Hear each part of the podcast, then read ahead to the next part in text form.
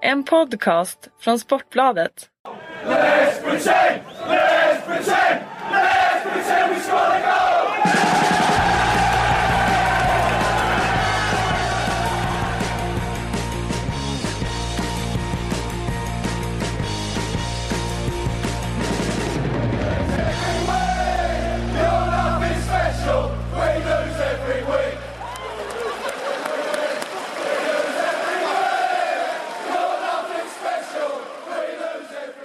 Lyssnar på Sportbladets Premier League-podd. Mitt namn är Patrik Syk. Eh, mitt emot mig på andra sidan bordet sitter med varsin telefon i handen och eh, eh gör sista minuten research, hoppas jag. Erik Niva och Kalle Karlsson.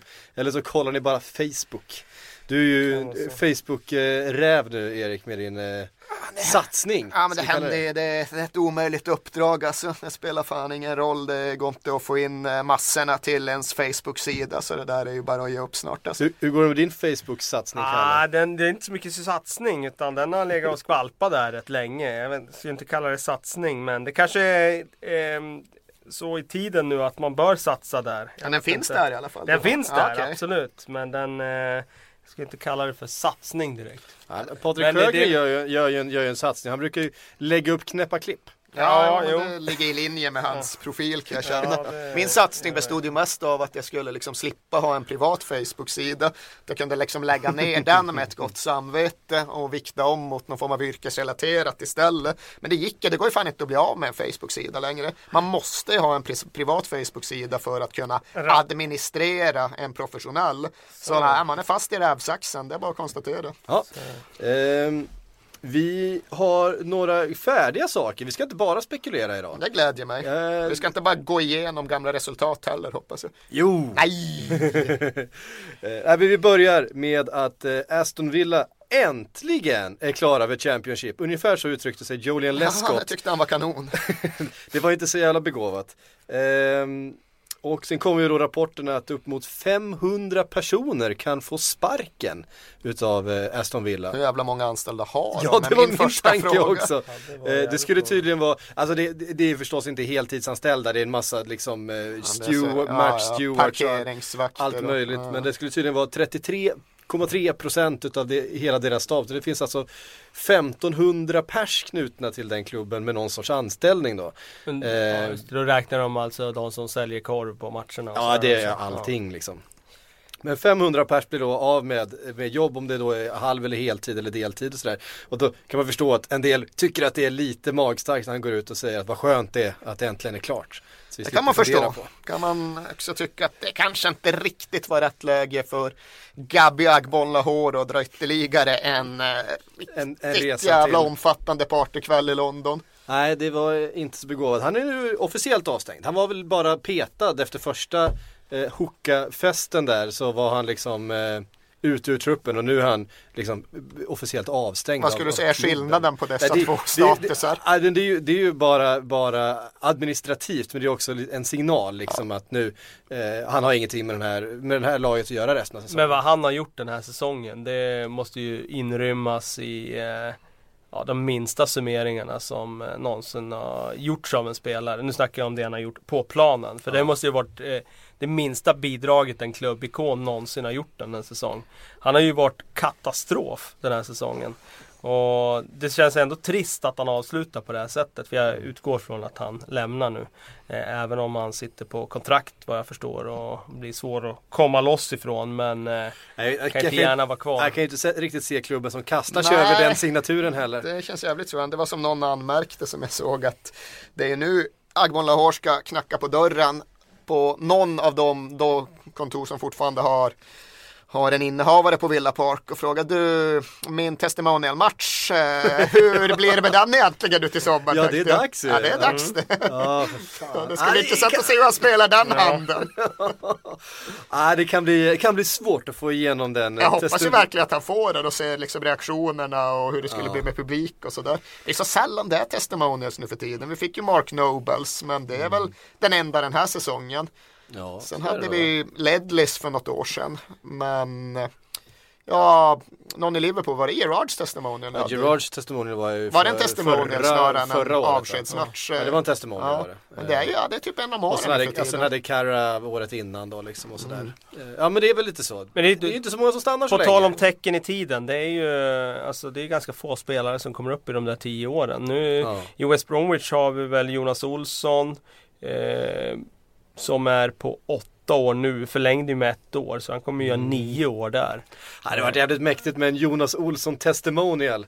Eh, Ja, han tycker ju inte det själv vilket förvånar mig men eh, ja. Det vore ju häftigt om en svensk fick en testimonial kan jag tycka.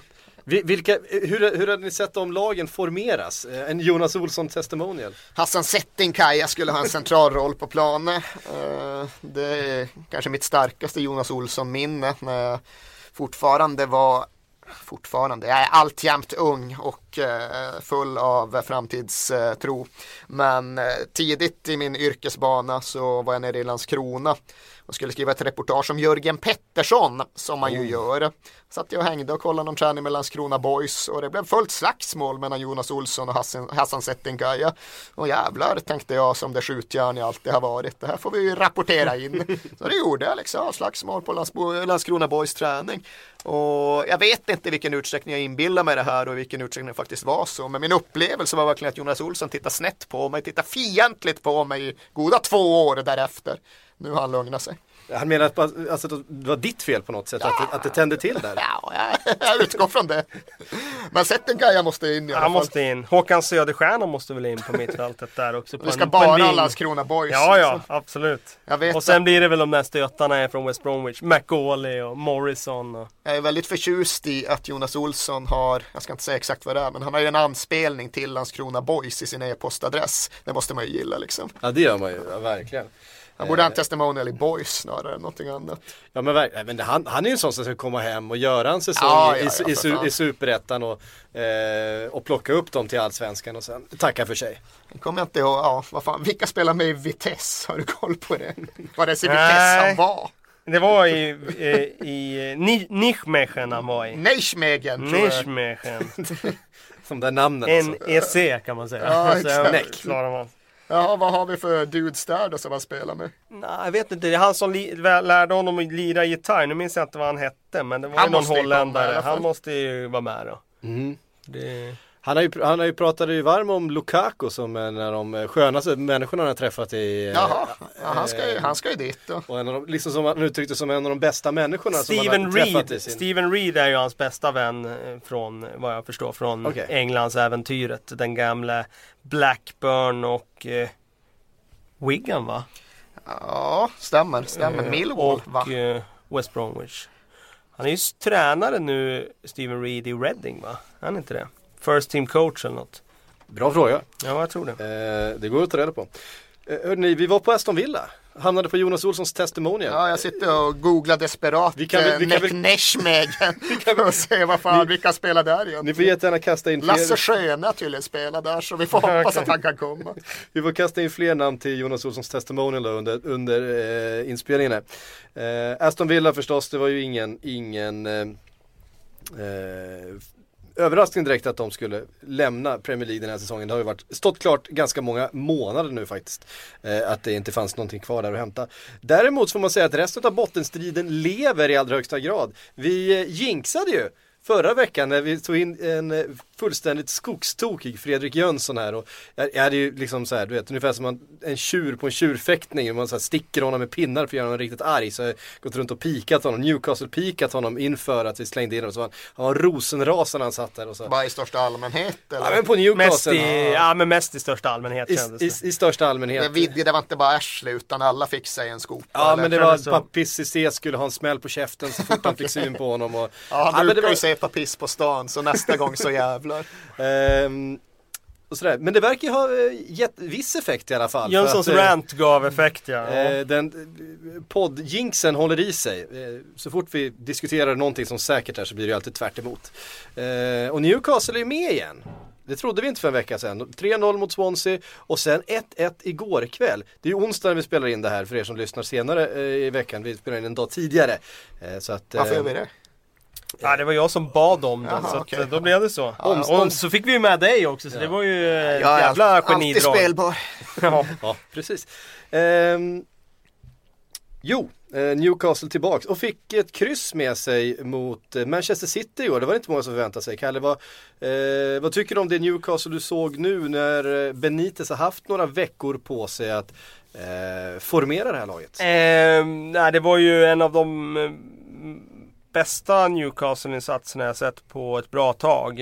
Eh, det kändes väl framförallt som att man eh, slogs för klubbmärket på ett sätt som jag inte tyckte att man gjorde i slutet av McLaren-eran. Eh, så framförallt det. Sen eh, vet jag inte om det är att Benitez har gjort så mycket. Jag tyckte det var mer att de eh, visade passion och eh, verkligen krigade till sig den där poängen igår. Och det hade ju kunnat vara tre poäng om man inte De- hade gjort mål där i slutet. Han lurade väl upp Kolarov eller vem det var på Vi- läktaren där inne. var det va som hade... Ja, Wijnaldum var det ja. Wijnaldum var det ja. Sen skulle ju inte City haft det målet heller. Han Nej, var, det han var var ju en, en, en, en resa offside. Ja, han hade ju stått offside en dryg minut liksom. Det och var inte fast så att den- situation Ja, liksom. nej, och det den var, ingen i vägen. Den var konstig. Sen såg jag bara den där matchen med ett kvarts öga för jag var kommenderad att jobba med den franska cupsemin samtidigt. Men var det samma att Moussa Sissoko var kapten och hela den där grejen? Jajamän. Yes. För det var ju annars en en analyslinje som någon använde sig av efter matchen i helgen att ja, Moussa fick bindeln, då började han bry sig och han ska tydligen ha hög status bland de fransktalande Ja, och då började precis. ytterligare några bry sig.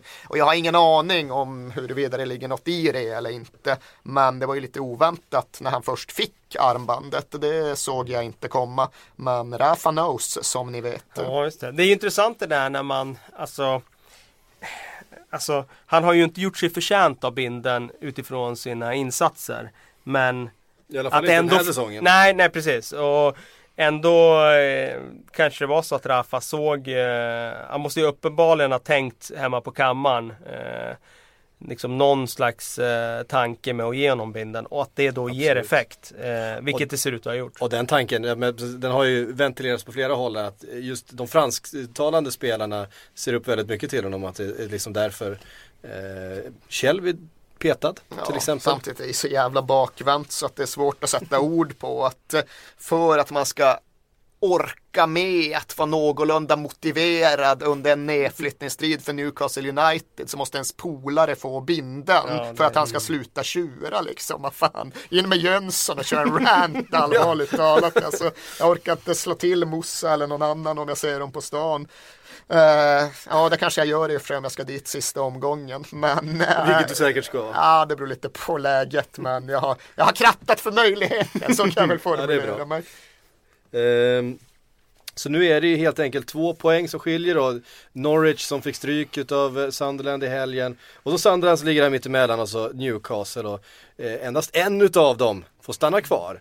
Eh, just nu känns det som eh, Norwich lite på fallrepet, som de som har sämst fart in i den här slutstriden. Ja, och sånt brukar kunna vara utslagsgivande. Jag tycker att Sunderland är rätt bra just nu. Ja. Jag tycker att de är det klart bästa av de här tre lagen sett till prestation under, säg den senaste månaden eller så.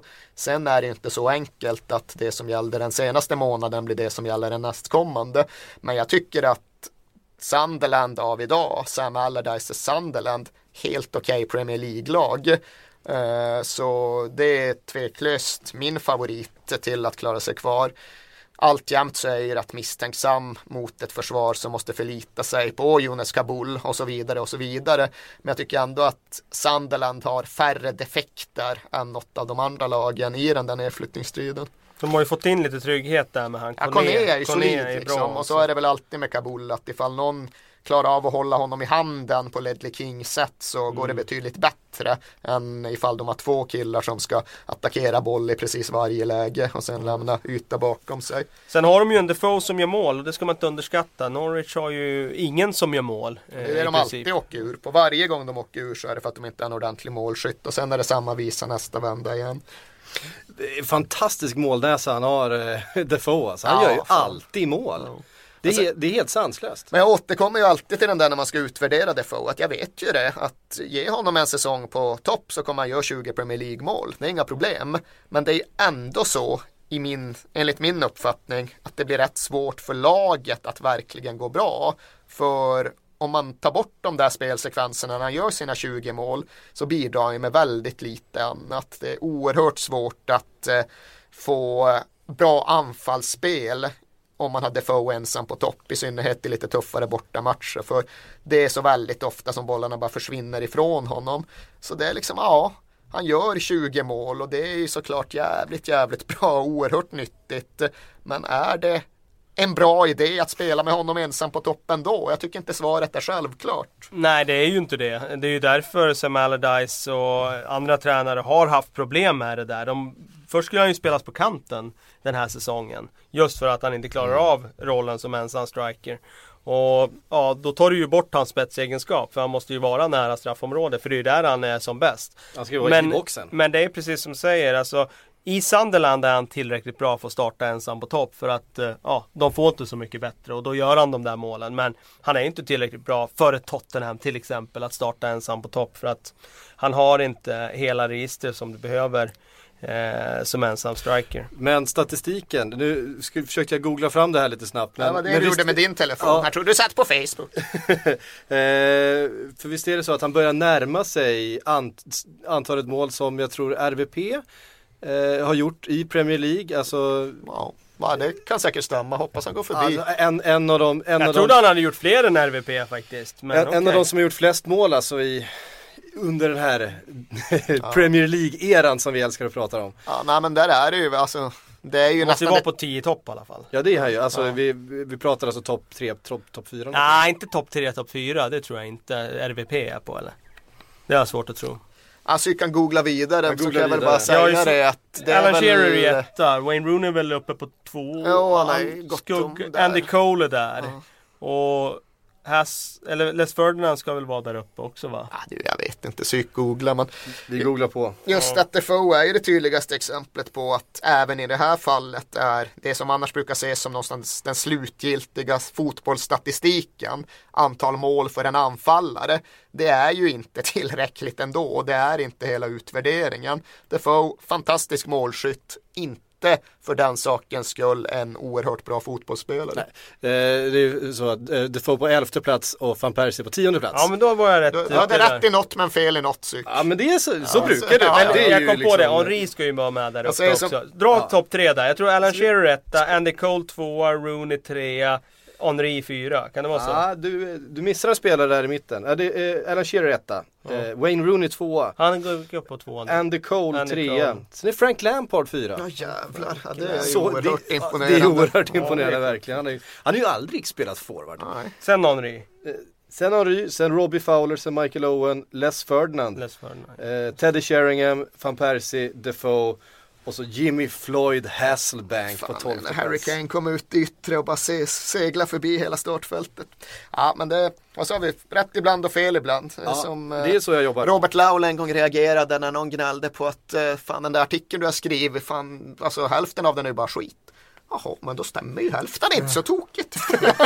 det kan vara ett ganska gott facit. Ja, det kan jag ställa upp på. Ja, absolut. Eh, botten lever som sagt och frågan är ifall inte toppen gör det också. Det här, nu kommer ju Erik tycka att det här är jättejobbigt att vi ska prata om eh, Tottenham i en, i en guldstrid Det, här. jag men, kan prata om Tottenham i nuläget, det är inga problem med det. Alltså, Nej, det är sällan så var det så det- kul att prata om Spurs. eh, det såg helt okej ut Ja, i det är- måndags. Det är nog bland det bästa man har sett. Det är en av de bästa Tottenham-insatser jag sett under hela mitt ja, 30-åriga, drygt 30-åriga liv med klubben.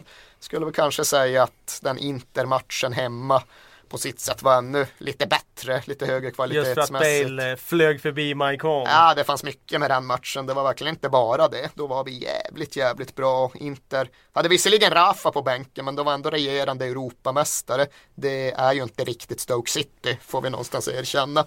Men ändå, att i det här läget av säsongen med det behov av poäng som fanns, åka dit upp och göra det som, ja egentligen är det väl en 6-0 match liksom. Det hade väl varit rättvisande siffror. Det, det är inget man förknippar med mitt Spurs direkt. Så ja, det var hänförande. Och Leicester fick till slut då med sig ett kryss i en helt vansinnig tillställning. Eh, I söndags var det väl. Det var det. Eh, de spelade mot West Ham. Och eh, ja, alltså den där Jag, jag vet inte, ska vi gå in på de här domsluten? Vi kan börja med Jamie Vardy, var det en filmning? Ja, Ja, jag, till slut har jag landat i att det är det. Eh, när jag såg det från början tyckte jag att det var ett sånt där läge man ska bara släppa. Det är inte straff och det är inte filmning. Men jag har nog mer och mer lutat åt att det är filmning. Han, han, han, söker ju hjälper, benet hjälper också. till för mycket Ja, i svandyket. jag tycker absolut det. Så han har ju previous också. Han har ju den där när han filmar ut Rafael är det väl? Mot Man United för något år sedan. Jag tror det kan ha varit Rafael. Det är någon Man United-spelare han filmar bort. Det blir väl både straff och rätt av den sekvensen tror jag. Så, nej, där, där var han rätt på det. Ja. Eh, Han har ju fått, han har ju faktiskt eh, hängts ut eh, rejält domaren, vår kära, kära vän John Moss. ja. För den här insatsen. Men till syvende och sist så får man ju säga för det var det domslutet som jag var lite osäker på ändå. Just det där sista där med, eller förlåt, det med Vardy där. Mm. Eh, men de andra sätter han ju. Vadå, tycker du Carroll är rätt? Ah, den, den, I och för sig, den är väl... är hård. Den, den är hård. Den tycker jag Den är är hård. Men, nästintill. Alltså, ja, men den, är, den är hård men eh, den, ja är, i och för sig, det, det har du rätt i. Den är väl lite hård. Samtidigt tycker jag väl att Leicester någonstans om man, om man går på det, tjänar ihop till en straff. Vilket jag Går man tycker... på det då?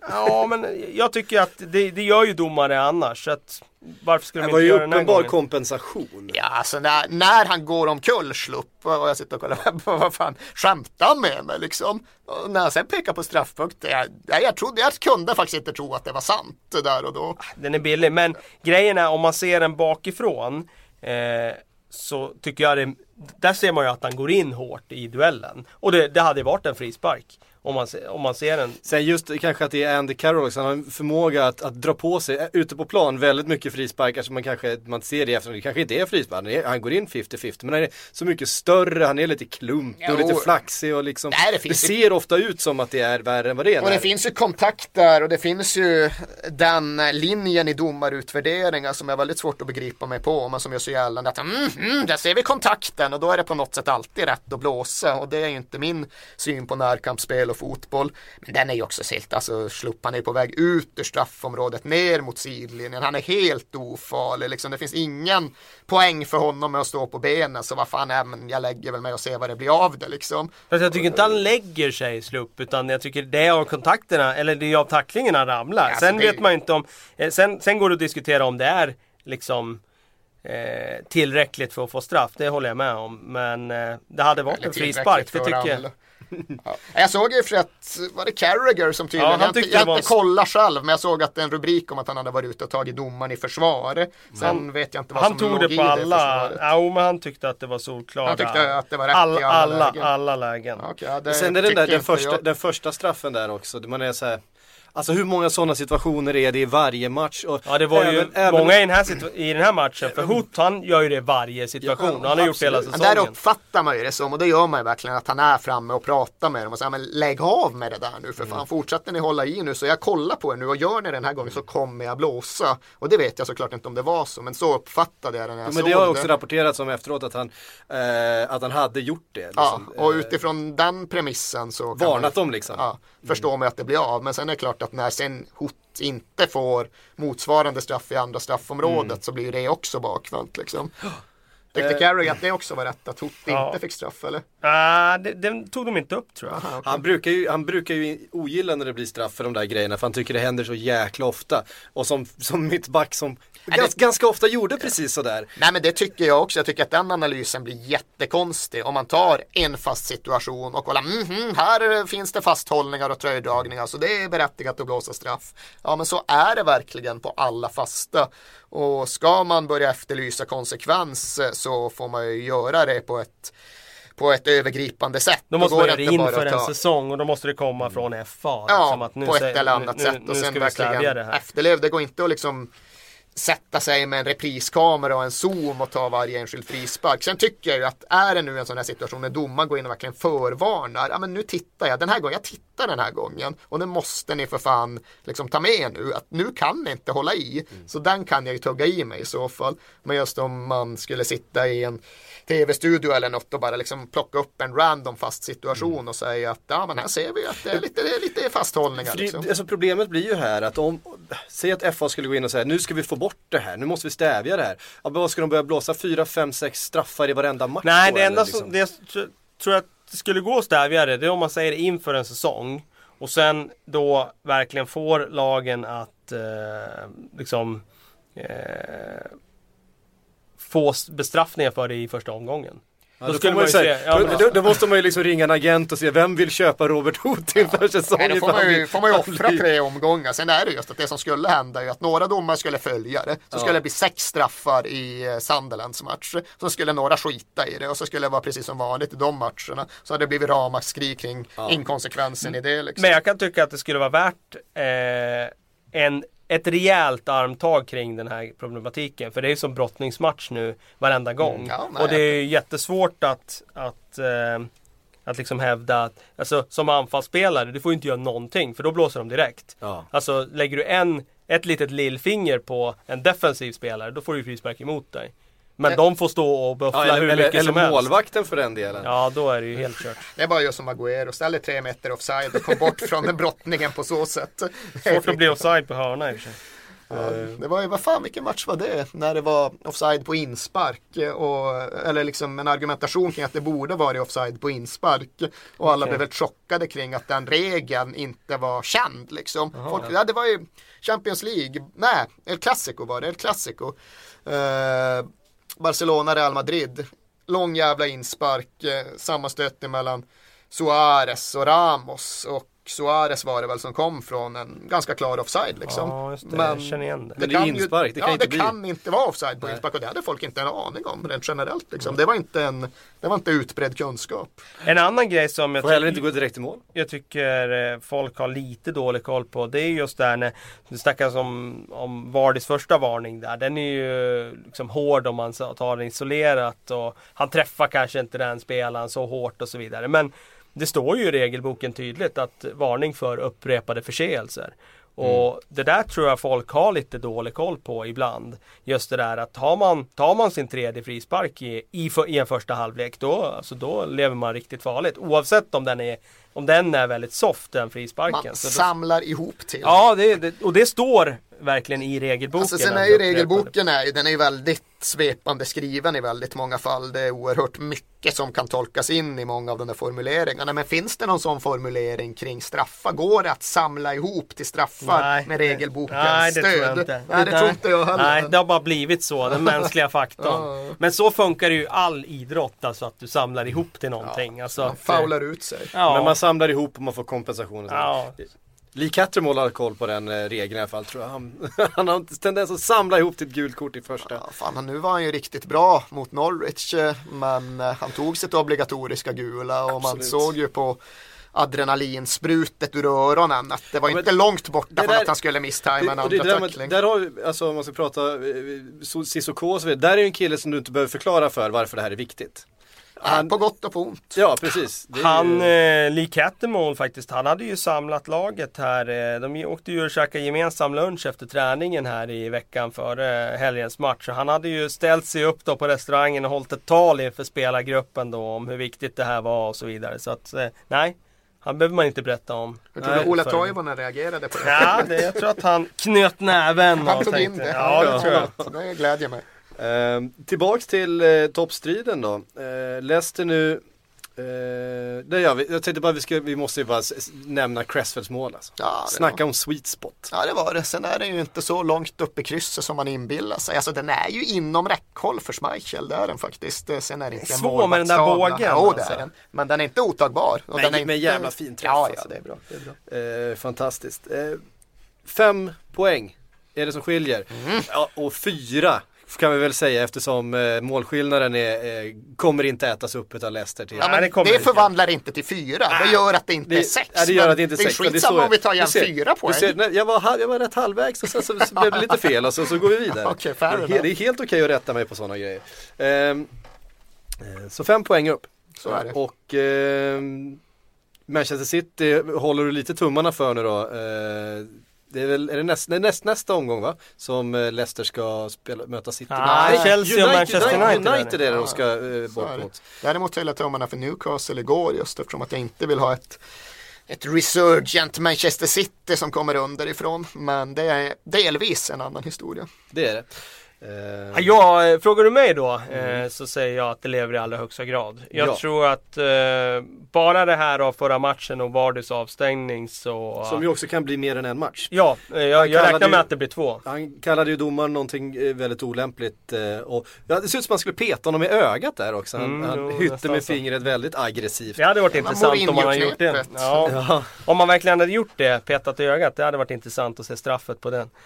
Eh, men eh, jag tror att det blir två matcher. Och då missar han ju Manchester United-matchen också. Jag tror att eh, ett Leicester utan eh, Vardy på Old Trafford mot ett United som kämpar om fjärde platsen det, det blir en riktigt tuff uppgift och eh, ja, då, då är det bara två poäng. Det lever. Jag är också övertygad om att det här kommer vara vid liv till sista omgången. Ja, det gläder mig att ni är övertygade. Det är ju alltjämt så att, att eh, jag sa efter att Leicester hade vunnit uppe i Sunderland att jag trodde det var 95% klart. Och det är klart att saker och ting förändras hur procentsatser rör sig åt det ena eller andra hållet beroende på andra resultat. Och nu har tre resultat i rad gått med Spurs. Först seger mot Man United, sen poängtapp för Leicester och sen seger igen för Stoke. Så det är klart att vi har närmat oss. Men jag tror fortfarande att det är 80% favör för Leicester. För eh, i praktiken räcker det för dem med att vinna två matcher.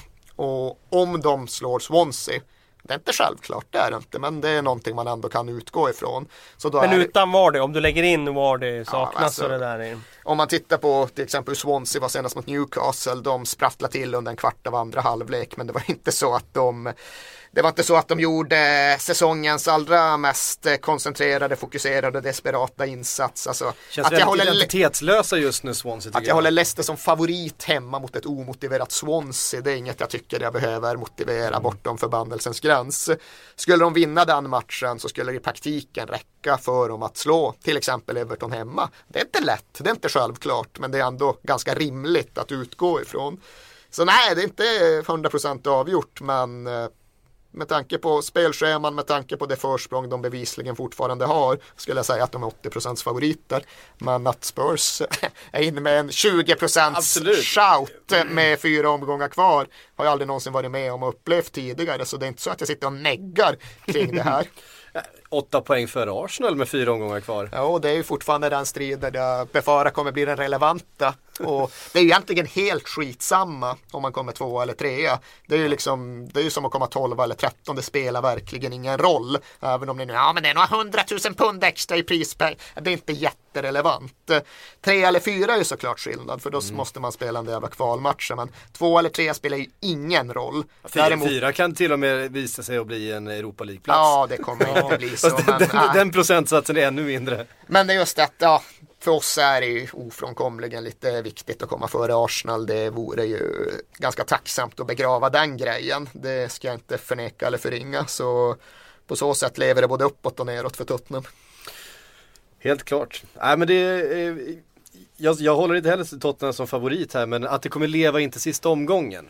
Eh, det tror jag, det, det, det, det är helt... Eh, Du säger att jag måste släpa mig till Newcastle alltså. Jag säger att du måste släppa dig till Newcastle. Fan, jag har ingen biljett till Chelsea borta. Någon jävel måste hooka upp mig. Annars gör jag resten så länge det lever. En shout, en shout till lyssnarna här. Är det någon som sitter på biljetter till Chelsea borta?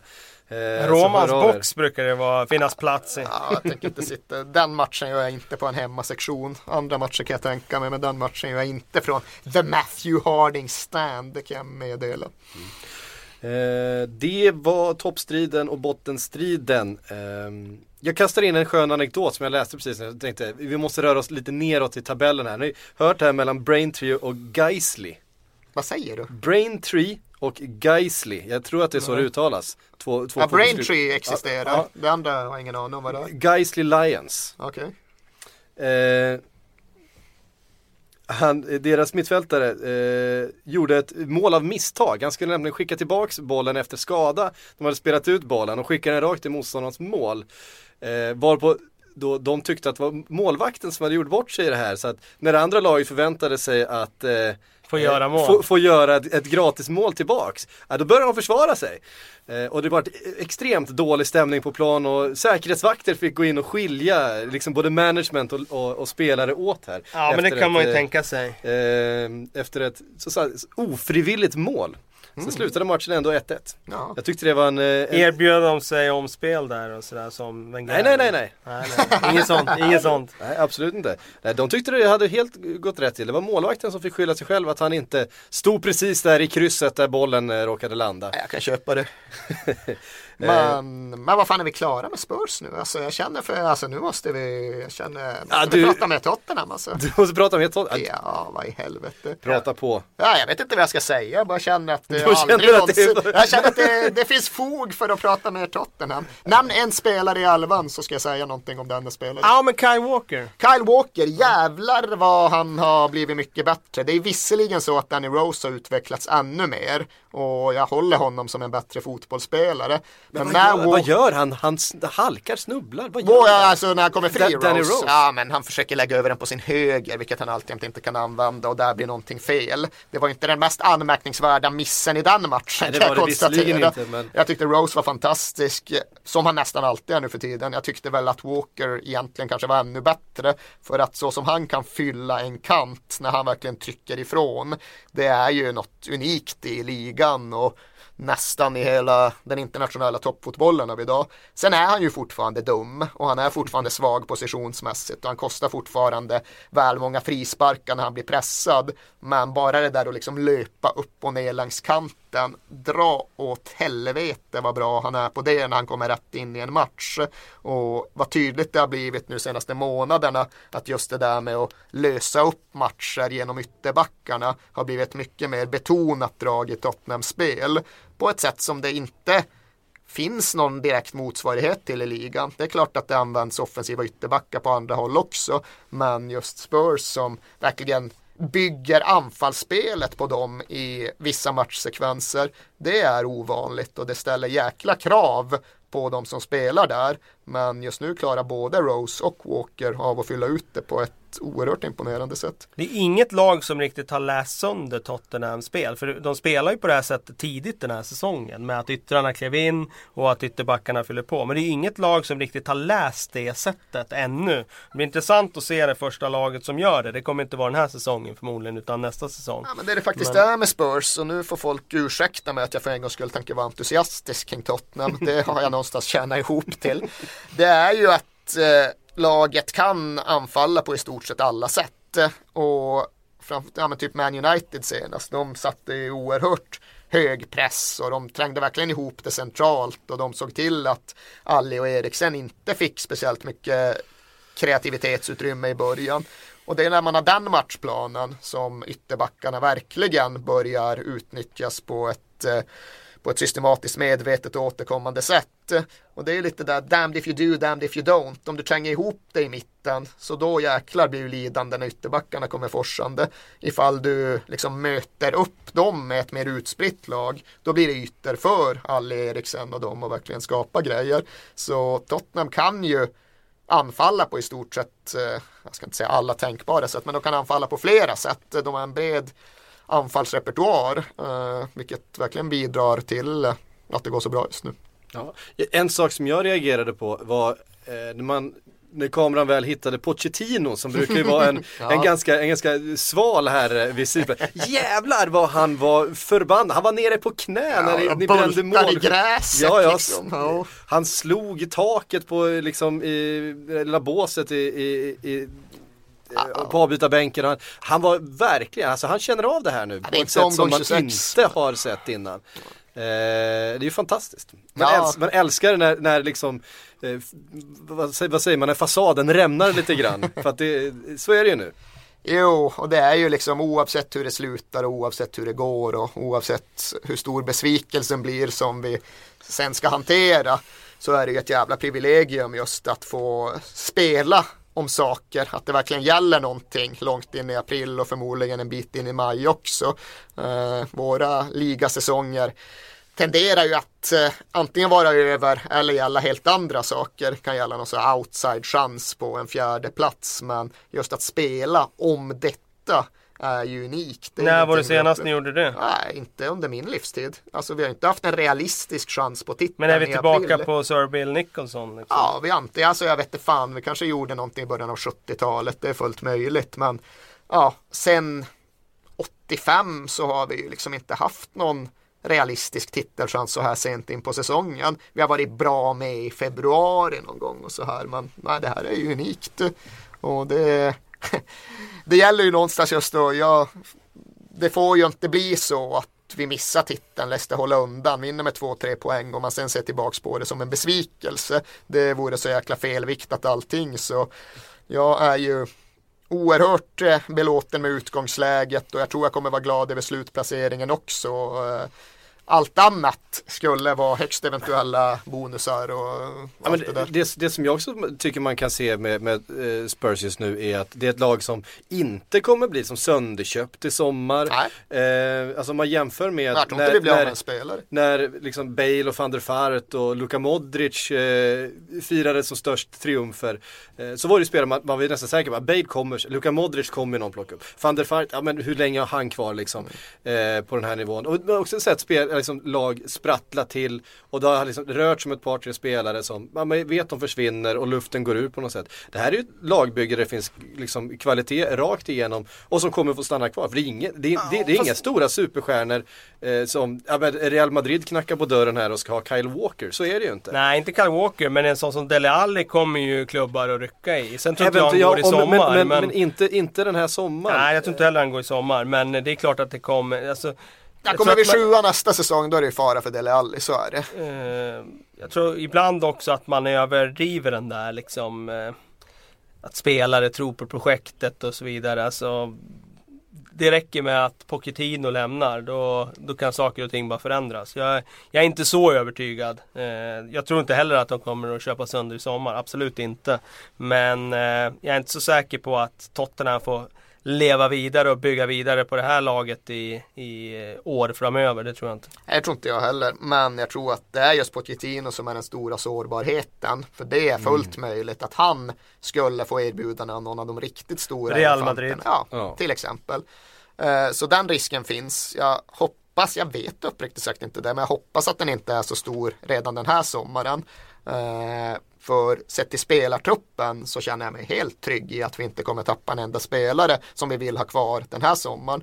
Och det finns visserligen ingen som helst anledning att just överdriva dagens eh, spelarlojalitet men det finns ju ett tydligt kamratskap och den här Band of Brothers grejen i det här laget som är sällsynt och som är värd någonting och som definitivt ändå kommer påverka spelarnas karriärsplanering. Så det är ju också en av alla de här jäkla upplyftande sakerna bland i mängden. Ja. Är du, eh, känner du dig li- lite nöjdare Nej, nu lite med? nöjd med. Jag hade kunnat hålla på i evigt. Jag hade kunnat, fan, jag började gilla Lamela. Det trodde jag aldrig någonsin skulle hända. Nu gillar ju alla spelare i elvan förutom Kommer du ihåg? Alltså, jag, tror- jag, jag liksom. tror att, vad är det, ett och ett halvt år? Nej, det är inte ens det. Ja, jag kan säga exakt Nej. när det var. Det var Det var i höstas. Nej för fan, det Nej, var, det var hösten, hösten förra säsongen när det verkligen var så och det är ingenting jag reviderar i efterhand. Men Alltså, då ja, tittade jag stämmer, på det stämmer. Tottenham, Ja, vi spelade någon jävla ligacupmatch där och just laget vi hade, äh, jag gillade typ inga spelare i den elvan. Jag tyckte några var okej, det var jag kommer inte ihåg om det var ett lag där Ryan Mason spelade eller någonting och han var den enda jag gillade. Och sen ja, jag tyckte Loris var helt okej, jag tyckte någon annan var helt okej. Men alla de andra spelarna ogillade jag i mer eller mindre hög grad. Men som sagt, det är ingenting jag reviderar eller på något sätt ändrar på nu. Det var det var ju årlaget. Det var det var Jur och Kabul och Fazi och Kirikesh och allt vad fan det nu var. Och just det är det som verkligen måste vägas in i utvärderingen av Pochettinos under. Att han tog oss från den skiten till det här. För klubben, laget var ju i ruiner efter Vias Boas och Sherwood. Det är en falsk tabellplacering att vi kom femma den våren under Sherwood. För vi var inte i närheten av att berättiga en femte placering. Det var verkligen ett lag i spillror och det blev ännu värre under några månader därefter. Så för ett och ett halvt år sedan, då var det, jag tror det var vår kompis Mido som gjorde den, ja, fullt berättigade analysen eller det konstaterat att det här är det sämsta Tottenham-lag jag sett på tio år. Och det var ju då han tröttnade, det var ju efter den där Stoke-förlusten hemma. Ja, men ut med mer än halva laget. De får inte spela något mer. Och sen bygger vi från noll. Och att det har gått så snabbt till det här, det är verkligen en av de stora förvandlingarna i fotbollshistorien. Och vi tar inte bort något från Leicester för det är ännu mer sensationellt. Behöver inte liksom säga att det är större än det Atletico Madrid har gjort under Diego Simeone, men det är oerhört slående, oerhört häpnadsväckande. Mm.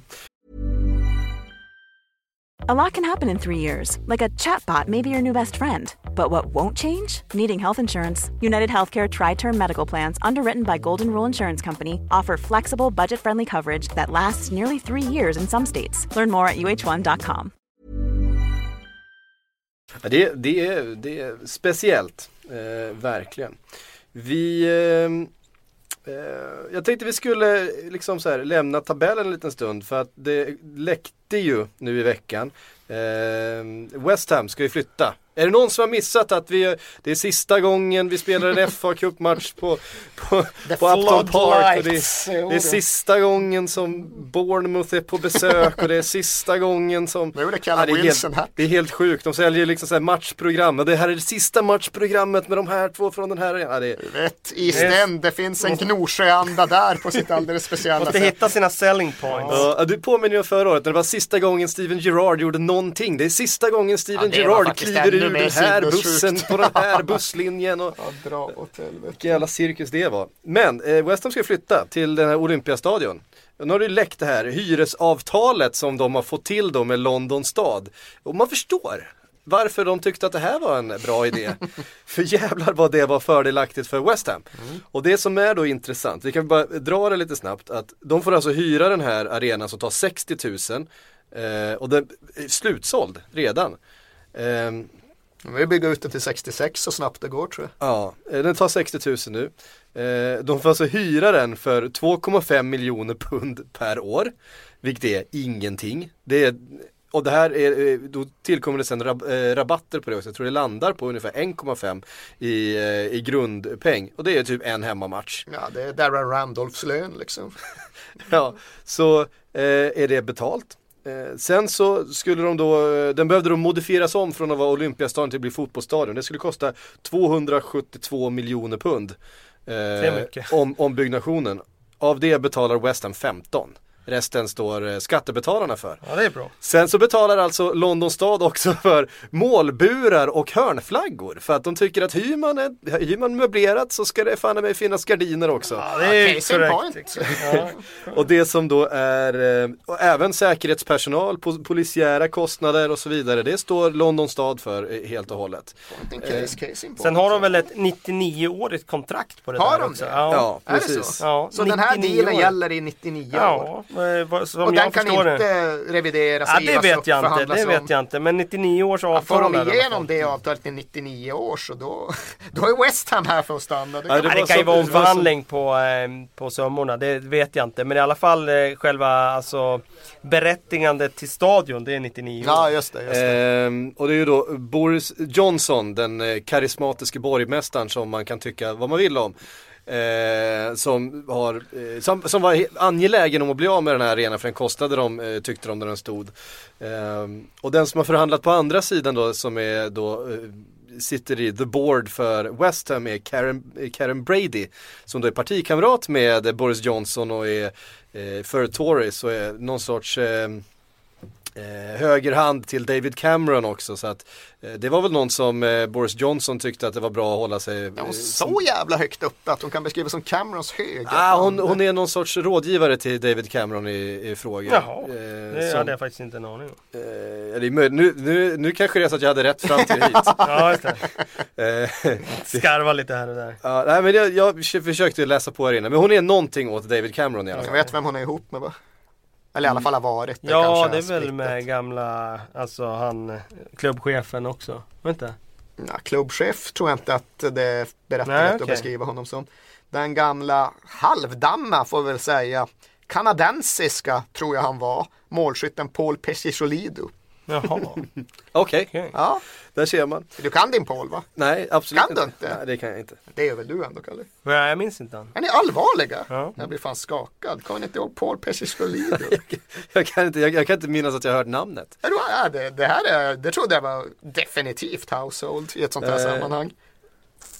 Nej, det, det är det inte. Ja. Sen dessutom så, så är det just nu, de, det är något, nu kommer jag inte ihåg exakt hur eh, LLDC tror jag, en sån här eh, kommunalt bolag som, eh, som de hyr av. Eh, så det är ju till och med så att, att West Ham har rätt att sälja stadiumnamnet. Och då delar man då den intäkten med LLDC, det här kommunala bolaget. Även intäkterna från eh, all kringförsäljning, kaféer och så här, delas med det här kommunala bolaget. Så att ja, det är en helt okej okay deal som West Ham har eh, fått till här får man säga. Och vi kan väl räkna med att det, ska, att det blåses bubblor på övre halvan i tabellen framöver med de här förutsättningarna är en oerhört stor konkurrensfördel. Det är ju bara att konstatera. Jag har inte satt mig in i det finstilta så jag vet i vilken utsträckning man ska vara jävligt förbannad eller bara lite upprörd för hur den där skrivningen är gjord. Eh, det kanske finns argument eh, som eh, på något sätt kan göra den lite mer begriplig. Men oavsett hur man värderar uppgörelsen så är den ju extremt fördelaktig. Det är ju bara att hamra fast i betong. Ja, eh, Arsene Wenger, Wenger beskrev det som att vinna på Lotto. Ja, ja, ja. Eh, och ja, eh, sen, vilken klubb är det som ligger där precis? Leighton Orient. Leighton Orient, vi får se vad som händer med dem då. Ja, de... det svämmar över av West Ham-supportrar där eh, titt som tätt. De är väl med rätta oroliga. Eh, jag vet inte exakt hur det är men de har ju länge haft en en process där de har försökt värja sig mot den här utvecklingen just av rädsla med att bli överkörda på alla möjliga sätt. Och det är en sympatisk liten klubb som i och för sig hamnar under, ja, som så många andra, ganska virrigt utländskt styre. Men Brisbane Road är ju en klassisk arena som jag fan, det måste vara nästan 20 år sedan jag var där. Men var så Glayton Orient mot Cambridge United någon gång i mitten av 90-talet. Det vill man inte missa. Eh, jag kan säga så här att eh, Karen Brady är alltså Small Business Ambassador för David Cameron. Jaha, vad, vad gör en sån undrar jag, jag vet inte. Kolla om du ändå är inne på dess Wikipedia. Kolla nu vem hon är married to. Eh, Paul, eh, ja jag kan inte ens uttala det. Pesci Solido. Ja, så trycker du på hans länk så kommer du få fram en jävla imponerande meritlista inom fotbollen. Ja, det var många lag. Ja, du ser ju. Eh, verkligen. Ja, fortfarande, alltså, jag... Vancouver Whitecaps eller? Jag tror det kan vara från Ontario, Toronto Blizzard kanske han kan komma från. Det... Stämmer alldeles Gör det det? Ja, det var faktiskt en jävla höftning i mörkret men ja, ja, någon gång ska de också ja, ja, ja. ja, men då har vi nämnt West Hams hyresavtal i alla fall som eh, är en, som du säger, en konkurrens. Bara det att få 60 000 sittplatser att sälja. Eh, det ger lite deg i kassan. Så är det ju och sen får man se exakt vad som går förlorat i flytten. För någonting är det ju alltid. Det är ju inte för inte de trycker upp eh, de sätter upp minnesstatyer för varje Bournemouth-match numera utan det är klart att det kommer vara smärtsamt att flytta från den oerhört traditionella arenan som de har haft i mer än ett århundrade med hela East End-mytologin och allt det där. Så Får ju hoppas att det inte bara blir ytterligare en steril Emirates-känsla kring den här arenan. Men... De kommer ju komma väldigt långt ifrån jo, planen, alltså läktarna med tanke på att Flacka det... läktare ja. över löparbanorna och sådär. Så det är ju ingen optimal arena för fotboll. Och det kan man väl bara passa på att föra till protokollet att när Tottenhams styre gjorde en medveten ansträngning att försöka konkurrera om det här avtalet så var ju den generella känslan man spör supporter att det spelar liksom ingen större roll hur fördelaktigt det där skulle vara. De vill inte till den arenan eller till den stadsdelen för den delen. Så där var ju bedömningen från supporterhåll någonstans att för mycket skulle gå förlorat. West Ham de har ju såklart en annan koppling till det här området. Det här är ju West Ham. Hampton mm. Park ligger egentligen inte ens i West Ham. Det här ligger i West Ham så det är klart att det är mest logiskt och naturligt att de ska dit. Men ja, hoppas det blir bra. Mm. Um, vi bara ta en liten uh, kik på Championship för där har det spetsat till sig lite grann. Uh, Burnley har gjort en fantastisk vinter och vår. Uh, klättrat upp, ligger nu tvåa där uppe efter Middlesbrough som har gjort det väldigt bra också. Så det är tre lag som konkurrerar om de här två direktplatserna. Det är Middlesbrough, Burnley och Brighton. Eh, om ni får välja. Brighton eller? Alltså jag har en koppling till Burnley, Brighton. Burnley var ju nyss uppe jo, så de kan man ju... samtidigt gillar man ju Burnley. Lite jävla bortglömd och... jävla gruvstad med all den fotbollstradition de har där. Men Brighton, fan jag var på språkresa i Brighton när jag var 13 19 och återvände rätt många gånger dit. Var på gamla Goldstone Ground innan de rev den och de fick leva i exil, eh, spela jävla Gillingham i flera år. Så de har verkligen gått den långa vägen och har ju egentligen aldrig varit uppe på den här nivån. Har sin FA-cupfinal 84 eller när fan det var eh, och se tillbaka på men annars är det inte så mycket. Så jag borde tycka Brighton, jag borde verkligen tycka Brighton men någonstans gör jag inte det. Känns som inte lite plastiga nu med sina Imex Stadium Jo, där och sin pokerhaj som ägare där. Jo men det Det är väl han Tony Bloom eller vad han hette. finns det väl i och för sig många som gör men det är, det är just Middlesbrough Burnley, det är två så jävla proper football cities på något sätt. Brighton, det är piren och det är vi språkreseturister och det är eh, alternativ livsstil med allt vad det innebär. Det är liksom inte Ett fan, eh, fa- fantastiskt psykobillyband från, eh, från Brighton. Alltså, vilka är det? 80s Matchbox Beeline Disaster. För alla att, för Just alla, rolls off the tongue. för, för alla att googla, men, un, underbart. Ja, Typisk eh, Brighton, eh, Brighton-koppling. Ja, men en engelsk fotbollsklubb ska ju komma från en liten, hårt prövad industriort i norr. Och därför så är känslan ändå Middlesbrough Ja. Burnley snarare än det Brighton som jag egentligen borde hålla på. Sen sladdar ju Hall lite bakom det, men det är bara tre omgångar kvar va? Och Hall har en hängmatch också, men jag tror att de är avhängda. På tal om små, hårt prövade eh, fotbollsstäder i norr. Ja men det är fan ingen fotbollsstad egentligen det är- Hall alltså. Det de det, har- är, det är ett hårt ställe. Det är ett hårt jävla ställe. Det var ju därför Robinson Crusoe hamnade på den öde ön. Det var för att han inte pallade vara i Hall. Han bara var tvungen att ta sig därifrån, kosta vad det kosta vill. Eh, sen har ju de också blivit så lidande av hela kampen med alarmstyret och allt, alla ti, allt tigrande hit och dit. Så Hall känner jag inte alls speciellt starkt för längre. Vi, vi tänker, jag, jag måste, jag känner vi ska De lätta har ju kvar Curtis Davis i backlinjen där och han springer väl på Hall. kanterna. Ja, Alltså grejen, Dawson är ju där och jag älskar ju Dawson och jag gillar ju El, El, Huddleston. El Mohammadi springer väl runt där på högerflanken. Underskattad El Mohammadi. Ja, han skulle kunna ha ett Premier Nej, League-kontrakt. det är ju jag unnar Dawson att gå upp som fan. Dawson fortfarande en av mina favoritspelare genom Inte alla Huddleston? tider. Huddleston gillar jag, men jag älskar honom inte. Dawson älskar jag ju högt och rent på något sätt. Det är egentligen det enda sorgliga med det här, att varken Dawson eller Ledley är kvar för att eh, uppleva det. Byta ut Fertongen mot en av de två, då hade någonstans varit det ultimata spörslaget. Ehm, vi bara påminner lyssnarna om det eftersom det här spelas in på onsdagen och kommer ut på torsdagen.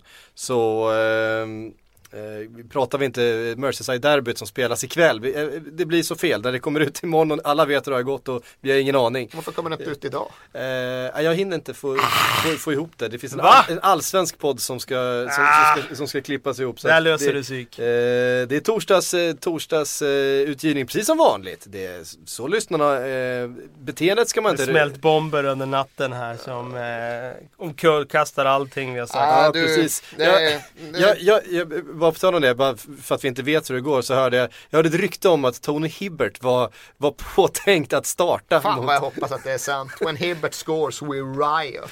Jag säger, rött kort första halvlek. Det är spelbart. Han kommer, han, kommer få, han kommer få det jobbigt att hänga med så att det kommer bli en sen tackling När någonstans. spelade senast Tony Hibbert? Ja, det är en bra fråga faktiskt. Alltså. Nej, det, det, det gick ett, det gick ett ryk, gjort någon match rykt i sociala medier att, att, att, att han ska ha eh, gjort någon U21-match nu i början på veckan för att, för att de ville kolla status på honom. Är det- han, han är väl så ungdomstränare också va? Han Liksom ska Duncan sidan av. Ferguson också spela då eller? Nej i och för sig, alltså jag såg inte Sen- Everton i helgen men matchen stod ju på på en skärm. Så kollade jag upp när ja, det var väl när Seamus Coleman hade gått sönder. Och de slängde ju in en kille, han såg inte ut att vara en dag över 13 liksom. Han såg så Nej. jäkla ung ut killen de slängde in istället för Coleman. Kommer inte ens ihåg vad han hette. Men visst, i ett derby så hade jag nog hellre satt in Hibbert än honom. Och det säger jag bara baserat på hur ung han ser ut. Jag har ingen aning om han var bra eller inte. Alltså, så, jag, jag blev så att jag skrockade lite när jag såg att eh, gamle Tony Hibbert skulle vara påtänkt så såg jag att vi är nästan prick gamla. ja, bara en sån sak. Hörrni, vi har inte så jättemånga minuter kvar, vi måste kasta in lite frågor. Ehm, vi har fått en fråga, vi kan bara ta, Byxmyndigheten har skrivit. Eh, han undrar... eh, Fan vad liksom frågan får en stark stuns när du presenterar den på det sättet. En myndighetsappell har kommit in. Byxmyndigheten. Eh, han vill veta ett eh, datum för starten av Sillypodden och det kan jag ge att eh, vi drar igång den 16 maj. Så drar Sillypodden igång igen. Fan, jag trodde du skulle säga 16 juni, då hade jag redan varit ute ur landet och hade kommit undan. Hade jag kunnat sitta och jubla. Eh, du kommer inte undan. Fy Det gör du inte. Inte du heller Kalle, det vet vi. Det är sen gammalt. Eh, det var det. Eh, Roger Westlund skriver finns det några fakta kring ryktena om eventuellt eh, arabuppköp av Liverpool? Eh, det dök ju upp i veckan här att, Det får eh, du också svara på. att eh, det var väl halvbrorsan till eh, han, Manchester City-ägaren eh, Sheikh Mansour som eh, helt enkelt ska bestämma sig för att Liverpool är hans projekt nu. Men ska Eh, det men- vara liksom hans privata pengar? Ska det också vara Abu Dhabis statskassa då? Jag eller? tror att det, det där är svårt, det där är svårt att skilja tror jag, privata pengar och ena, Abu Dhabi. uteslut, det ena eh, ja, utesluter väl inte det andra Jag kan säga så att uppgifterna tror jag kommer från Bain Sports eh, från början. Men Daily Star var de som drog på det i England. Så att vi ska inte ta allt för hårt på de där ryktena. Men eh, det känns ju oroväckande att de överhuvudtaget dyker upp. Eftersom att du gillar ett nuvarande styre så jävla mycket. Jag föredrar det. Ja, det förstår jag. Ehm, Jakob Gren undrar, vilken spelare i Premier League tror ni tar mest i bänkpress? Jag, jag kan, West, nej, eh, Vasilevski. Ja, det är möjligt. Ja, alltså. Annars är alltså man, jag kan ju inte komma, jag vet att den ställer frågan om Premier League, men det går inte att komma runt, Akin, vad hette han i Wimbledon? Akin, Ja, eh, Akin, Akin. Akin. Ja. Alltså det, eh, han är ju, det, det vet vi ju att ingen slår honom i. Han tar ju typ 200 Ja, han måste kilo ju i ligga, han måste ju alltså. ligga i världseliten där liksom. Och det säger jag bara baserat på sett Akin. Fej. Feva liksom. Det är Akin väl- Feva, ja, precis. ingen aning om man uttalar Nej men Michael. Richards, även om han inte har eh, varit så bra i positionsspel den här säsongen så jag tror fortfarande att han ligger bra till när det handlar om bänkpress och Mm. benböj och så vidare. Nu ska Michael Richards köra med sitt liv undrar man ju lite nu. Ja, han sitter väl och plockar pengar några år till där, tror du inte? Ja, nej, han har säkert Treårskontrakt tror jag. och ingen klausul. De verkar ju också som så jävla många vanskötta klubbar är inte ha vett nog att skriva in klausuler. En Sogby har ju tydligen ingen klausul. Man har glömt att han existerar liksom. På tal om, på tal om eh, ska vi dra den där kort bara om Charlton som dök upp i, i veckan. Kan du ta den Erik? Eh, ja, det borde jag väl kunna eftersom att jag retweetade den. Eh, det var ju tydligen så att Charltons, vad var han, commercial director, ja, whatever that means, eh, någon form av affärsområdeschef. Han hade då sagt upp sig eftersom att han hade blivit kontaktad av en sån här headhunting-firma för att höra om han var intresserad av jobbet eh, som eh, commercial director i Charlton. Det skulle nämligen bli ledigt snart. Den är bra! Den är helt jävla fantastisk. Den är bra! Ah, Den då är har man bra. koll på grejerna. Den är bra! Eh, det var väl som när, eh, vad heter han, Eh, Newcastle, nu tappar jag namnet här, han scoutade sin egen sp- spelare som var på lån från Newcastle. Ja det var väl vår kära vän, vad hette han? Kinnear, som hade skickat en scout för att kolla en, en, ung, en ung lovande talang i, i Championship, visat att han var utlånad från, från Newcastle. Fan, den känns ju, den har inte blivit klarare med tiden. Så när man ser tillbaks på den med ett års distans. Joe Kinnear, eran i Newcastle. Ja, Vad var- handlade den om? Var oerhört luddig alltså. Jag, eh, någonstans så var väl känslan, alltså han är väl, han är väl polare där va? Ja, Eh, polare med, ska vi se här.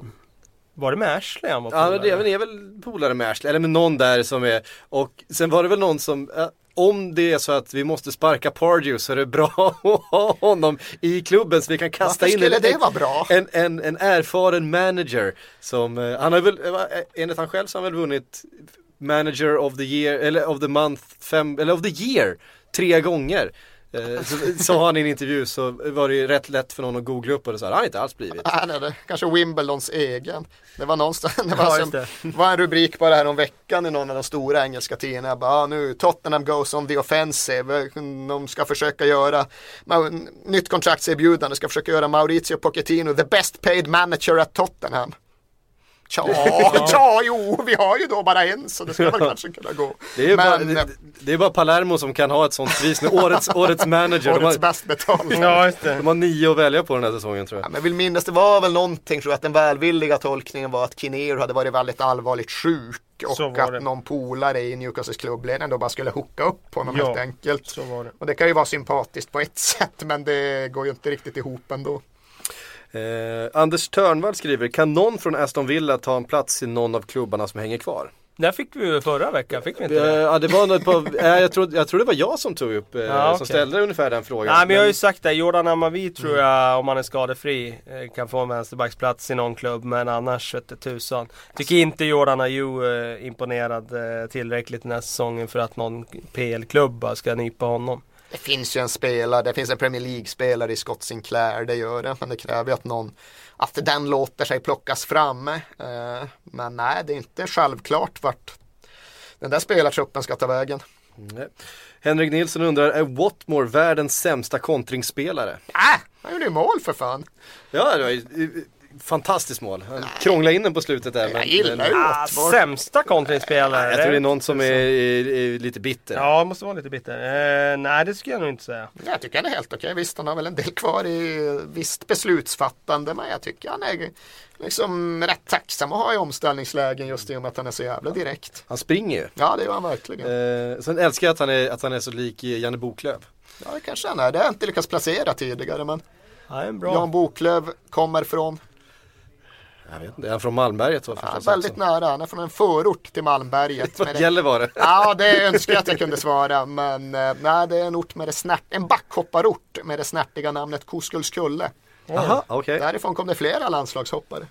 Ha, Finns det flera landslag, finns, finns det fler än en backhoppare i Sverige? Ja, alltså på den tiden när Boklöv drog på så då fanns det ju någon form av backhoppningsunder. fanns två brorsor som jag tror hette Tellberg. Just det, Staffan och Per Tellberg ja, just det. kanske. Staffan Tellberg minns man ju. Någon tror jag var från kanske Bollnäs eller något sånt. Det är jävlar i mig inte säkert. Men de kan ha varit från den trakten. Det måste vi kolla Det upp. kan vi Det göra. kan jag så kan jag upp. addera Koskullskulle-hopparen Mikael Martinsson till ekvationen. Han var rätt bra och han var också från Koskullskulle. Och jag tror att han och Boklöv utgjorde väl 95% av Koskullskulles backhopparunder. Det fanns någon så här fringe jumper därutöver. Men... Snyggt! Staffan Tellberg från Bollnäs i Gävleborgs län. Ja, det är jag faktiskt nöjd med. Det är måste jag säga. Yngre än vad jag trodde. Född 70 bara. Vad hette hans brorsa? Per Inge? Oj, han måste ju varit tonåring då när han... Ja jävlar vad han födde. Alltså jag förknippar honom med 86 typ. Men det är för backhoppare de är ofta. Det fanns ju någon finne som var så här, Matti Nycken, han flög ju svinlångt när han var 15-16 och sen kom någon som kanske hette Tony Nieminen. Kanske något helt annat. Matti Nykänen är det enda...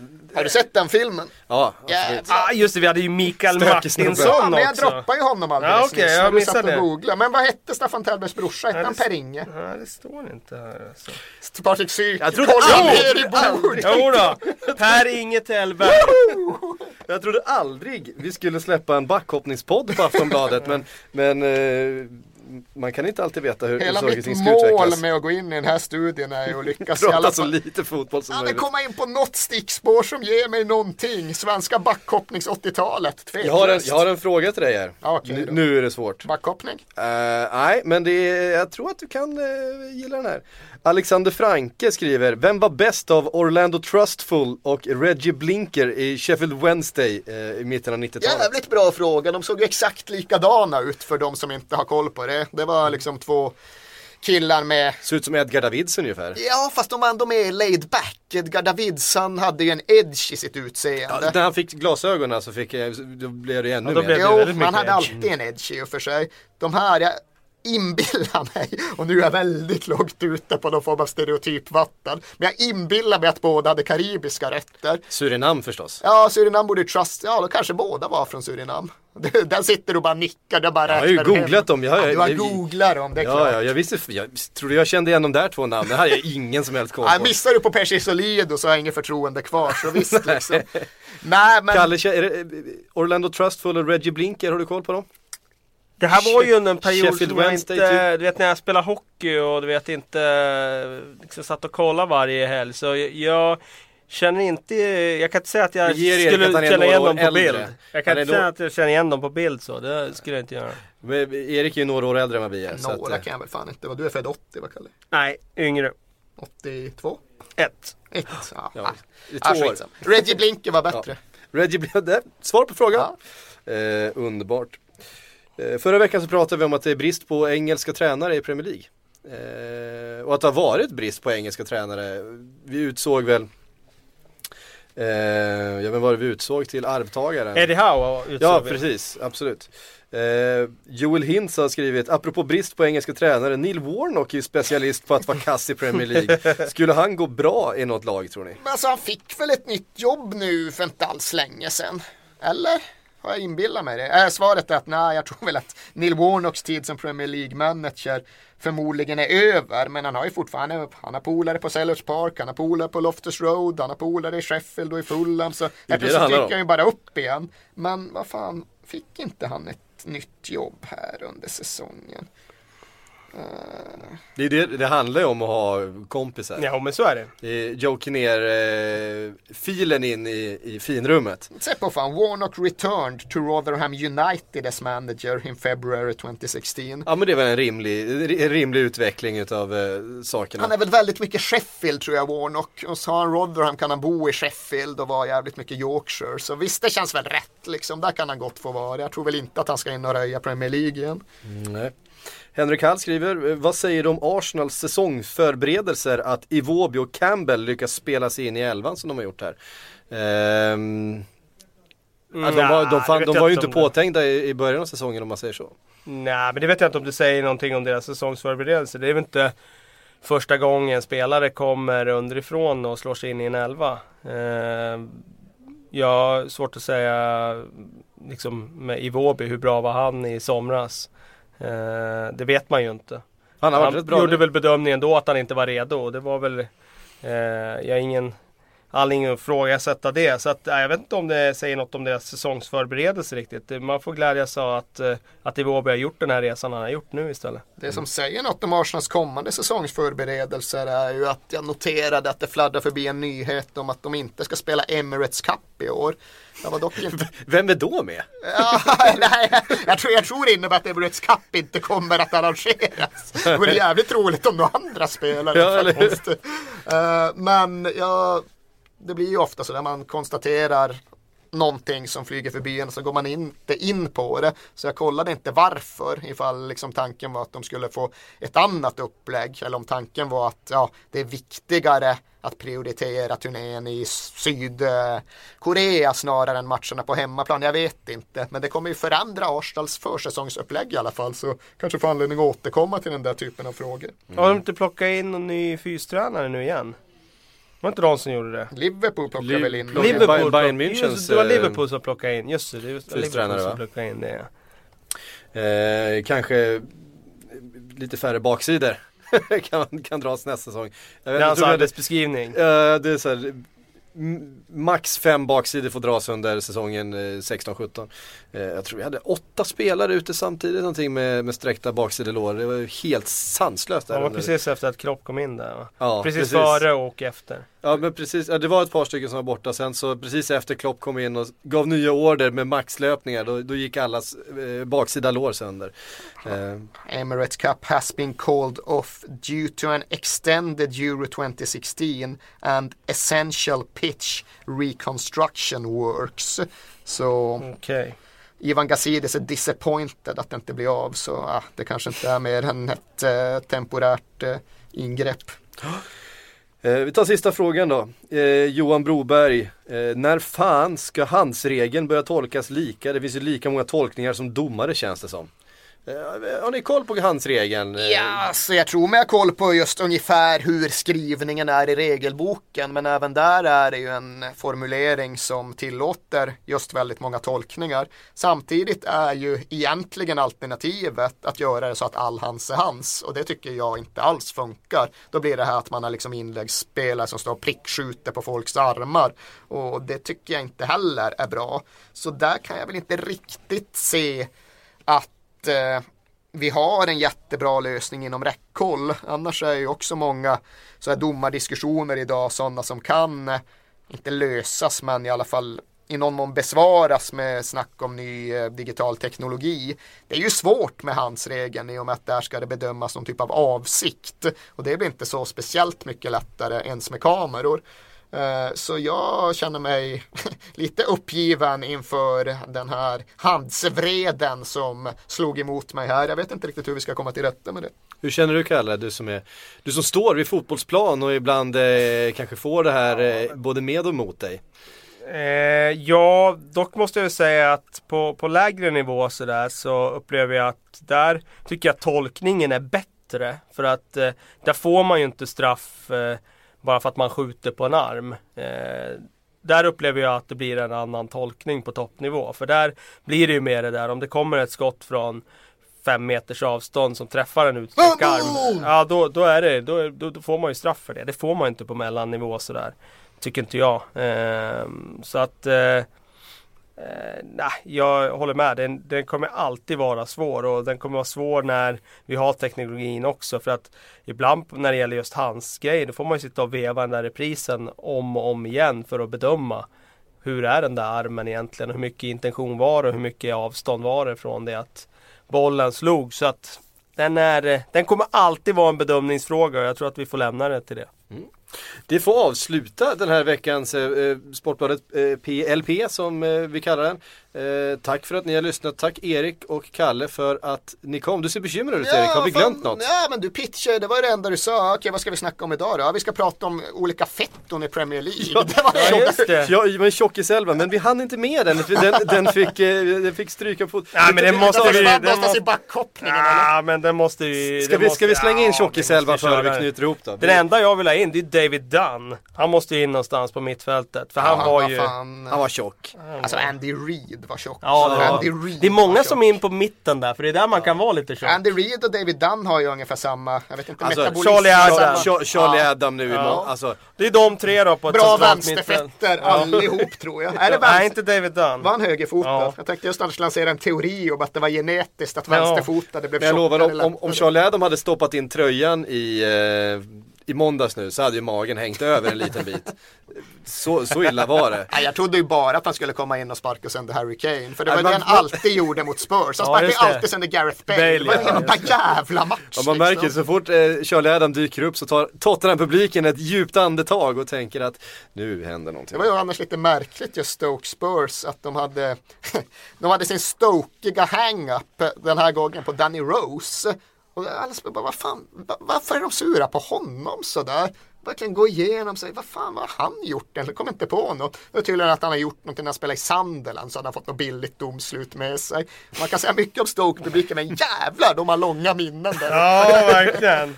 Det måste man ändå beundra Ja, det får man, får man väl göra. Ja, men de är ju väldigt, de är ju väldigt bra på, på att påverka spelet nere på planen. De kan ju liksom när Stoke-publiken, det är från första matchminuten.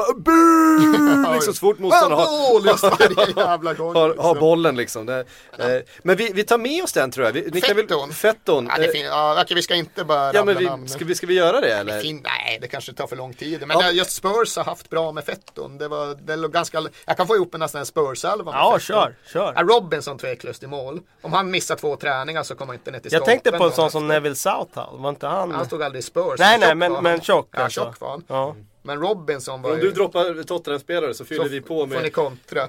Ja, Robinson, nu ska jag, Reed har redan nämnt. Huddleston har vi faktiskt också haft uppe i podden. Mido var helt fantastisk tjock ett tag. Eh, mm. Uh, det kom ju när, den här nya Zlatan-dokumentären, då har man ju träffat Mido. Och då har ju han, då har han uh, låtit, uh, låtit tiden ha sin gång. Mm. Så det är han ju otroligt tjock liksom. Ben Arfa hade ju också en, en, ja, en, fant en fantastisk... Adel Tarat ifall jag ska kontra lynniga dribblers liksom. Eh, vad hade vi mer? Wayne Rooney när han kom tillbaka från EM 2004. Då hade han ju varit skadad där. När de tar den där bilden på stranden. Ja, exakt. Precis, då hade han ju käkat för mycket hamburgare. Fick namnet Mac Rooney efter det. det var ju kul nu i lördags eller söndags eller när fan det var Man United Aston Villa. Och Rooney gjorde sin comeback. Och Villa-publiken upprepade gånger sjöng Are you Gabby in disguise? ja, det är roligt. Apropå det, det, det, det, den är bra. Men det är ju faktiskt lite kul på riktigt eller lite intressant på riktigt till skillnad från väldigt mycket av det andra vi säger här. Att Ferguson hade ju det som arbetsmetod. Att han ville inte ha det han såg som för svårtränade spelare. Han ville inte ha folk som hade problem med metabolismen. Mm -hmm. Så han brukade på Ferguson-manér liksom. Han var ju lite ja, men, gamla husmorsknep snarare än manlig Han kändes som en gympalärare från 50-talet. Ja men just liksom. att han gick ju rätt mycket på sina egna teorier kring saker och ting hur det skulle vara. Så tydligen gjorde han ju det att han ofta krävde att få träffa farsorna till potentiella nyförvärv. För om farsorna ja, var tjocka ja, så innebar det att sönerna också hade en kamp med vikten att gå igenom. Och det enda avsteg han då gjorde, det var just för Wayne Rooney. Där kunde han tugga i sig, att han tuggade i sig ja. en del för att det fanns så mycket annat. Men det är tydligen en del av Fergusons då bevisligen framgångsrika Ja, det är svårt att ifrågasätta hans. Men han, alltså, vilken metod han än har använt sig av, hur knäpp som helst, så går det ju inte att ifrågasätta med de resultaten som han har haft. Ehm, så är det verkligen. Tittar man tillbaka, när jag tittar på gamla, gamla Liverpool-matcher, Sammy Lee. Ja, men Alltså- alltså, Jan Mölby är väl ändå bästa Jan, Mö, Liverpool-fettot. Jan Mölby är ju, Han är är ju Liverpool-fettot nummer ett. Han känns nästan som nummer ett på en sån lista Ja, totalt sett. Det kändes ju verkligen som att han sket ju totalt i det liksom. Han gjorde ingen ansats till att träna upp sig mot slutet. Nej, nej. Liksom. Han bara, ja, Han var ju bra ändå. Ändå så slog han sina passningar i sidled då i gamla Jajamän. Liverpool-andan. Eh, med crown paints på, på ja, bröstet. Ja, ja, och i och för sig Candy kom väl sen. Jag förknippar en tjock Mölby mer med Candy än med Crown Paints. Eh, så kanske det är i och för sig.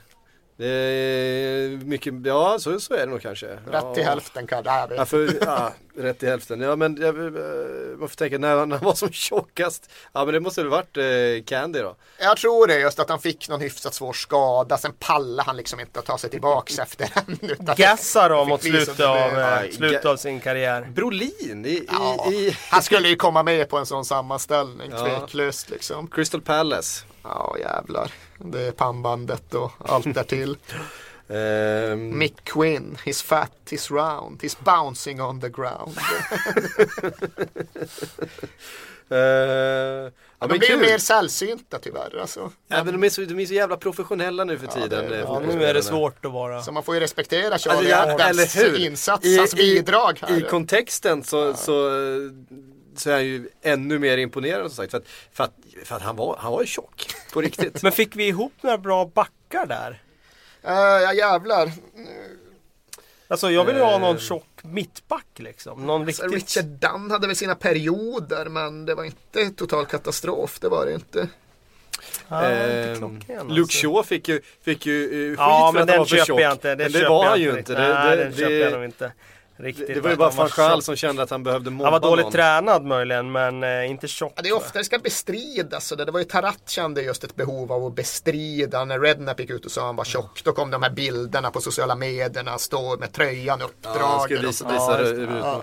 Och det Det känns var inte. Ginola, gjorde inte han också det? Jo, han blev väl också beskylld för att vara tjock. ja, eller i alla fall lat och- liksom. George ja, Han kan säkert ha beskrivits som tjock. Men det gjorde han ju. Stod och spände muskler och Hade han en bra och bräda? ja, ja, ja. Jag, några bra backar vet du fan om jag kan komma på. Ja, den kan vi väl, nu har vi ändå tagit lite tjockisar så den kan vi väl släppa till golvet då, att de får Mm. komma tillbaks med backfetton till Ja, nästa gång. det, skicka era bästa backfetton. Eh, Vi har fått in jättemycket bra. Märk brevet med backfetto. Bra. Är vi klara nu då? Ja, det Känner vi oss nöjda? Nu känner vi oss nöjda. Ja, jättebra. Vi hörs om en vecka igen hörni. Let's pretend! Let's pretend!